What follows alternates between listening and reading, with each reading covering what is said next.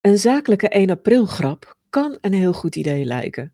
Het zorgt voor rumoer op social media, klanten en je doelgroep zien je weer even staan en wie weet trek je er zelfs wat media-aandacht mee. Als je 1 april grap slaagt tenminste. Want 1 april kikker in je bil kan je nog behoorlijk in de kont bijten.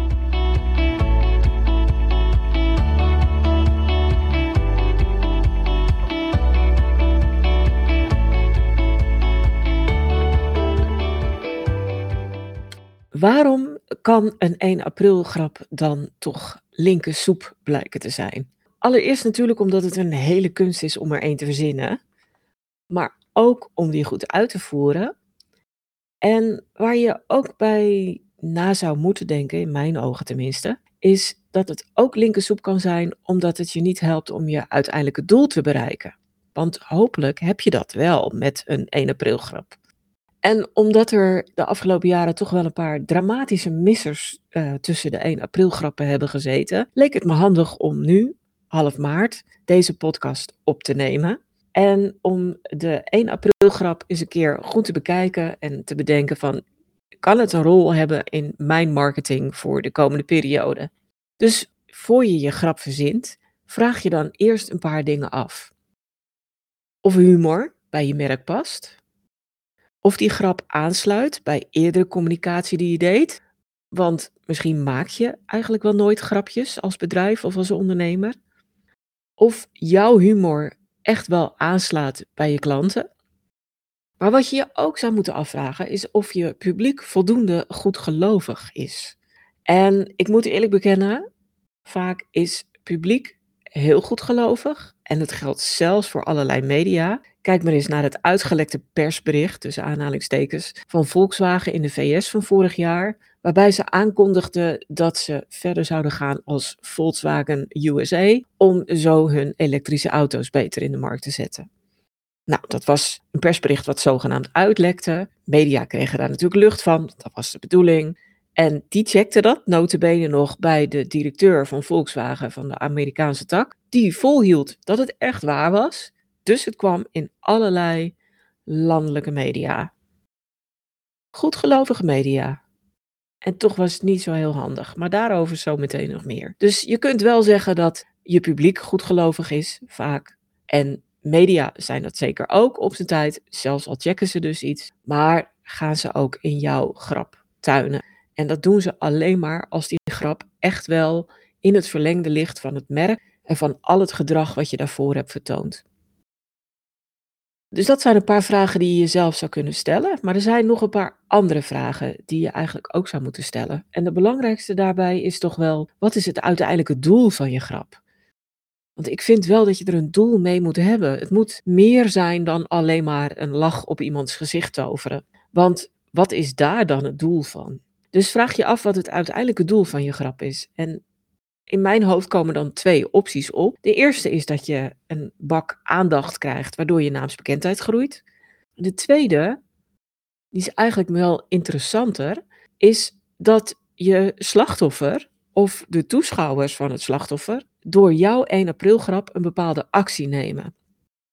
En vooral een actie die hen iets laat zien dat wel bestaat en dat ze vervolgens kunnen krijgen of kopen, waarmee je er weer in het belang van je, ja, je hele commercie en je hele sales gaat zitten.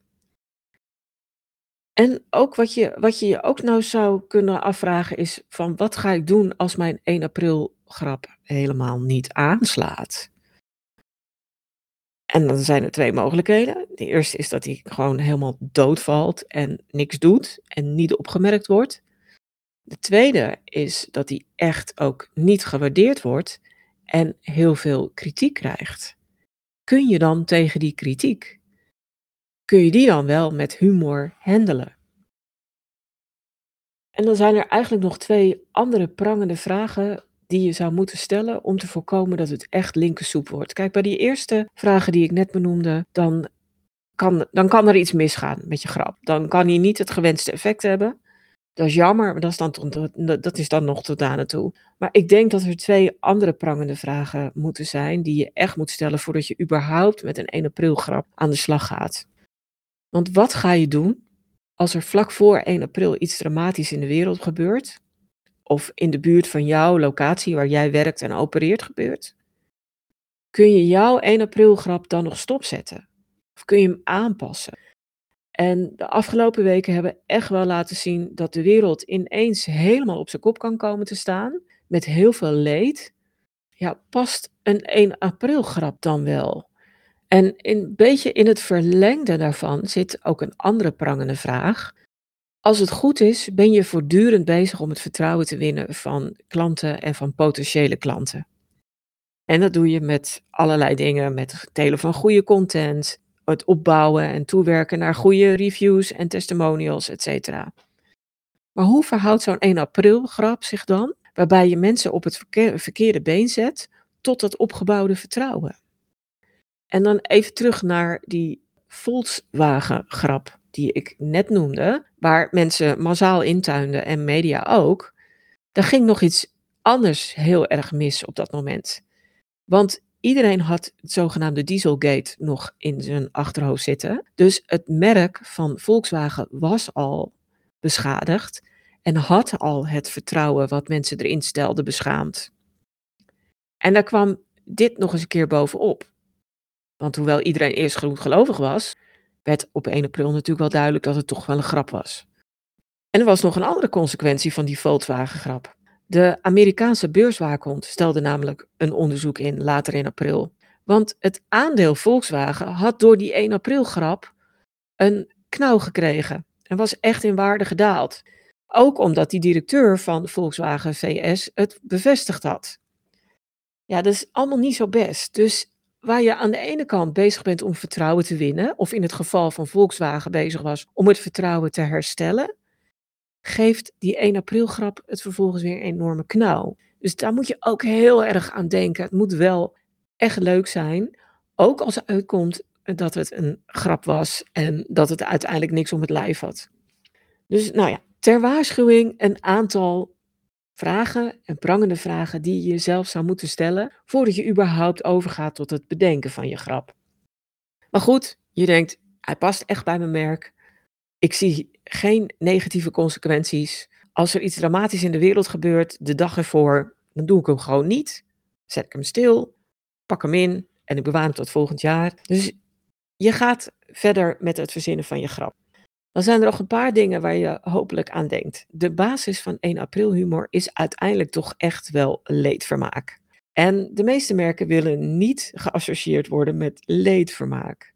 Dus als je een grap verzint, kijk dan hoe je dat leedvermaak kunt omturnen tot iets dat uiteindelijk echt leuk en positief uitpakt voor je slachtoffer.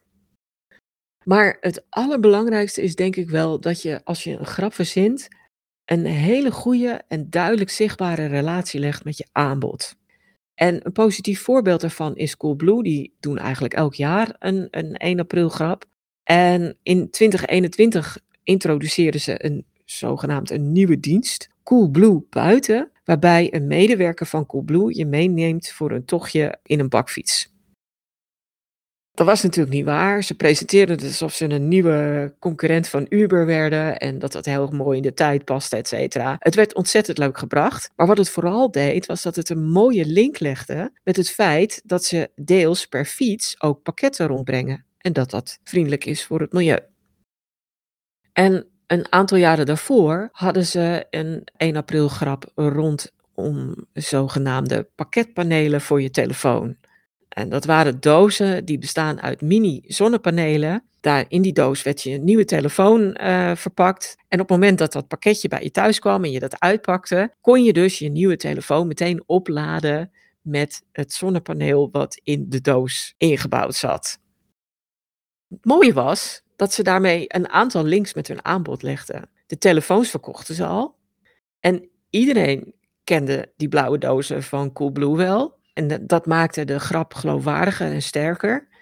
En het liet ook hun werkwijze zien. Dat ze toch ook wel nadenken over het milieu. Want ze hadden eerder al een enorm oppervlak aan daken volgelegd met zonnepanelen. Om wat klimaatneutraler te kunnen opereren. Dus het paste helemaal bij hun werkwijze. En het paste bij het aanbod.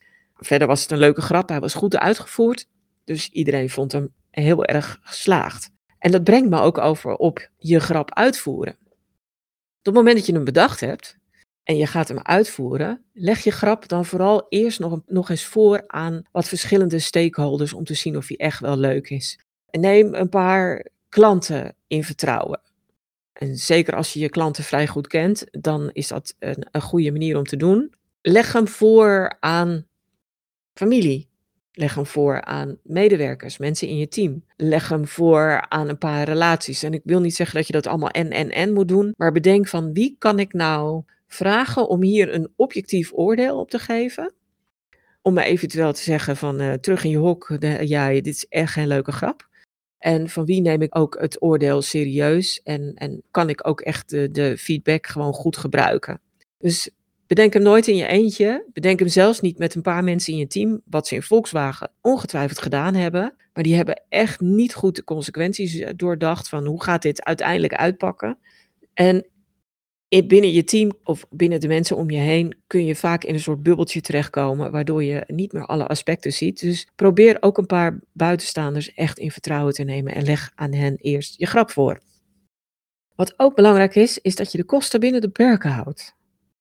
Nou hoeft een 1 april grap op zich niet heel veel te kosten, maar de kosten kunnen in de, in de waarneming van anderen toch wel te hoog zijn. En dat is zeker het geval als er intern al issues zijn over salarissen, salarisverhogingen. Misschien zijn er wel slepende CAO-onderhandelingen en niet per se met jouw bedrijf, maar wel binnen je branche, waardoor mensen toch niet happy zijn. Ja, dan moet je 1 april grap niet te veel gaan kosten, want dan worden mensen echt wel zuur. Kosten moet je ook in de gaten houden als er andere financiële issues spelen rondom je bedrijf of in je branche. En je moet ook zeker in de gaten houden als er op dat moment een grote geldinzameling is, zoals nu voor vluchtelingen, dan is het ook niet handig om heel veel geld uit te geven aan een 1 april grap, tenzij je op dat moment ook zelf duidelijk zichtbaar flink bijdraagt aan de geldinzameling die al landelijk loopt. Dus probeer echt vanuit verschillende oogpunten, niet alleen maar vanuit boekhoudkundig oogpunt, te bedenken van hoe kan ik die kosten binnen de perken houden. Want als het goed is, kost het wel iets om de grap goed uit te voeren. Want vaak bepaalt de kwaliteit van de executie uiteindelijk ook of je grap het gewenste effect heeft. Dus dat betekent dat je echt wel moet investeren in tijd, geld en aandacht in de filmpjes, foto's of webpagina's, uh, social media berichten en weet ik veel wat nog meer wat er voor nodig is. Maar het betekent ook dat je in, in die executiefase elke stap van je grap enorm goed doordenkt met wat als scenario's. Dit is het begin wat we doen. Wat als, nou, vul maar in. Verzin positieve en negatieve scenario's. En doe dat ook als het slachtoffer van je grap een stapje verder is. En bedenk ook wat als scenario's voor als iemand je grap helemaal doorlopen heeft en erin getuind is. Wat dan? En een voorbeeld van zo'n wat als scenario is dat iemand heeft een beetje twijfels over je grap. En die denkt, hm, ik ga dit even googlen, klopt dit wel? En dan is het wel zaak dat jij dan de zoekresultaten domineert en dat er bovenaan een pagina van jouw website staat die de zogenaamde waarheid van je grap onderbouwt. Bijvoorbeeld met een frequently asked questions pagina. Probeer die wat als scenario's ook goed te doordenken als je met die executie bezig bent en maak het onderdeel van je executie. En natuurlijk tuin ik zelf af en toe ook in 1 april grappen. Ik was bijvoorbeeld voor deze podcast op zoek naar mislukte 1 april grappen. En ik vond een heel leuk artikel daarover met allerlei echt wel heel grappige voorbeelden van mislukte 1 april grappen waarvan je ook denkt, ja, hallo, waarom doe je dat dan ook? En dat waren allemaal hele bekende merken. En toen dacht ik van, hmm, klopt dit wel? Dus als je wil weten waar ik bijna intuin, Google is op mislukte 1 april grappen en ik denk dat die bij jou ook bovenaan staat. Klik hem aan en dan heb je in elk geval even een paar hele leuke minuten met hele grappige mislukte 1 april grappen. Maar goed, even alle lol rondom 1 april grappen terzijde. Doe geen 1 april grap als je normaal nooit humor gebruikt en humor niet bij je merk past. Of als het een eenmalig dingetje is dat echt losstaat van alles wat je doet en wat je aanbiedt. Doe ook geen 1 april grap als het vertrouwen in je merk recent toch al een deukje heeft opgelopen. En wat het ook kan zijn, het kan een callback actie zijn, kan een negatieve review zijn waar allerlei mensen op reageerden, het kan iets in de media zijn. En het maakt niet uit of het terecht of onterecht is. Als er al iets is rondom het vertrouwen in je merk, doe het niet.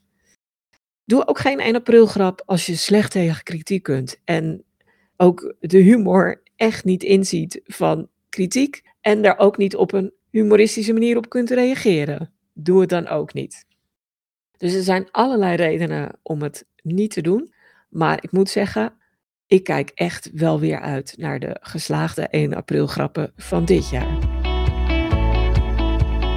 Dankjewel voor het luisteren. Voel je zeker vrij om deze aflevering van de Content Divas podcast met anderen te delen als je denkt dat dit van pas kan komen. En heb je zelf een handige tip of inzicht opgedaan met deze aflevering, dan hoop ik dat je een review wil achterlaten. Heb je nog meer vragen? Zoek je meer informatie? Neem dan zeker een kijkje op de website. Die vind je op stroop.nl met dubbel S. En daar vind je natuurlijk ook die handige content kennisbank waar je allerlei gratis checklists, stappenplannen, handleidingen en nog veel meer kunt vinden.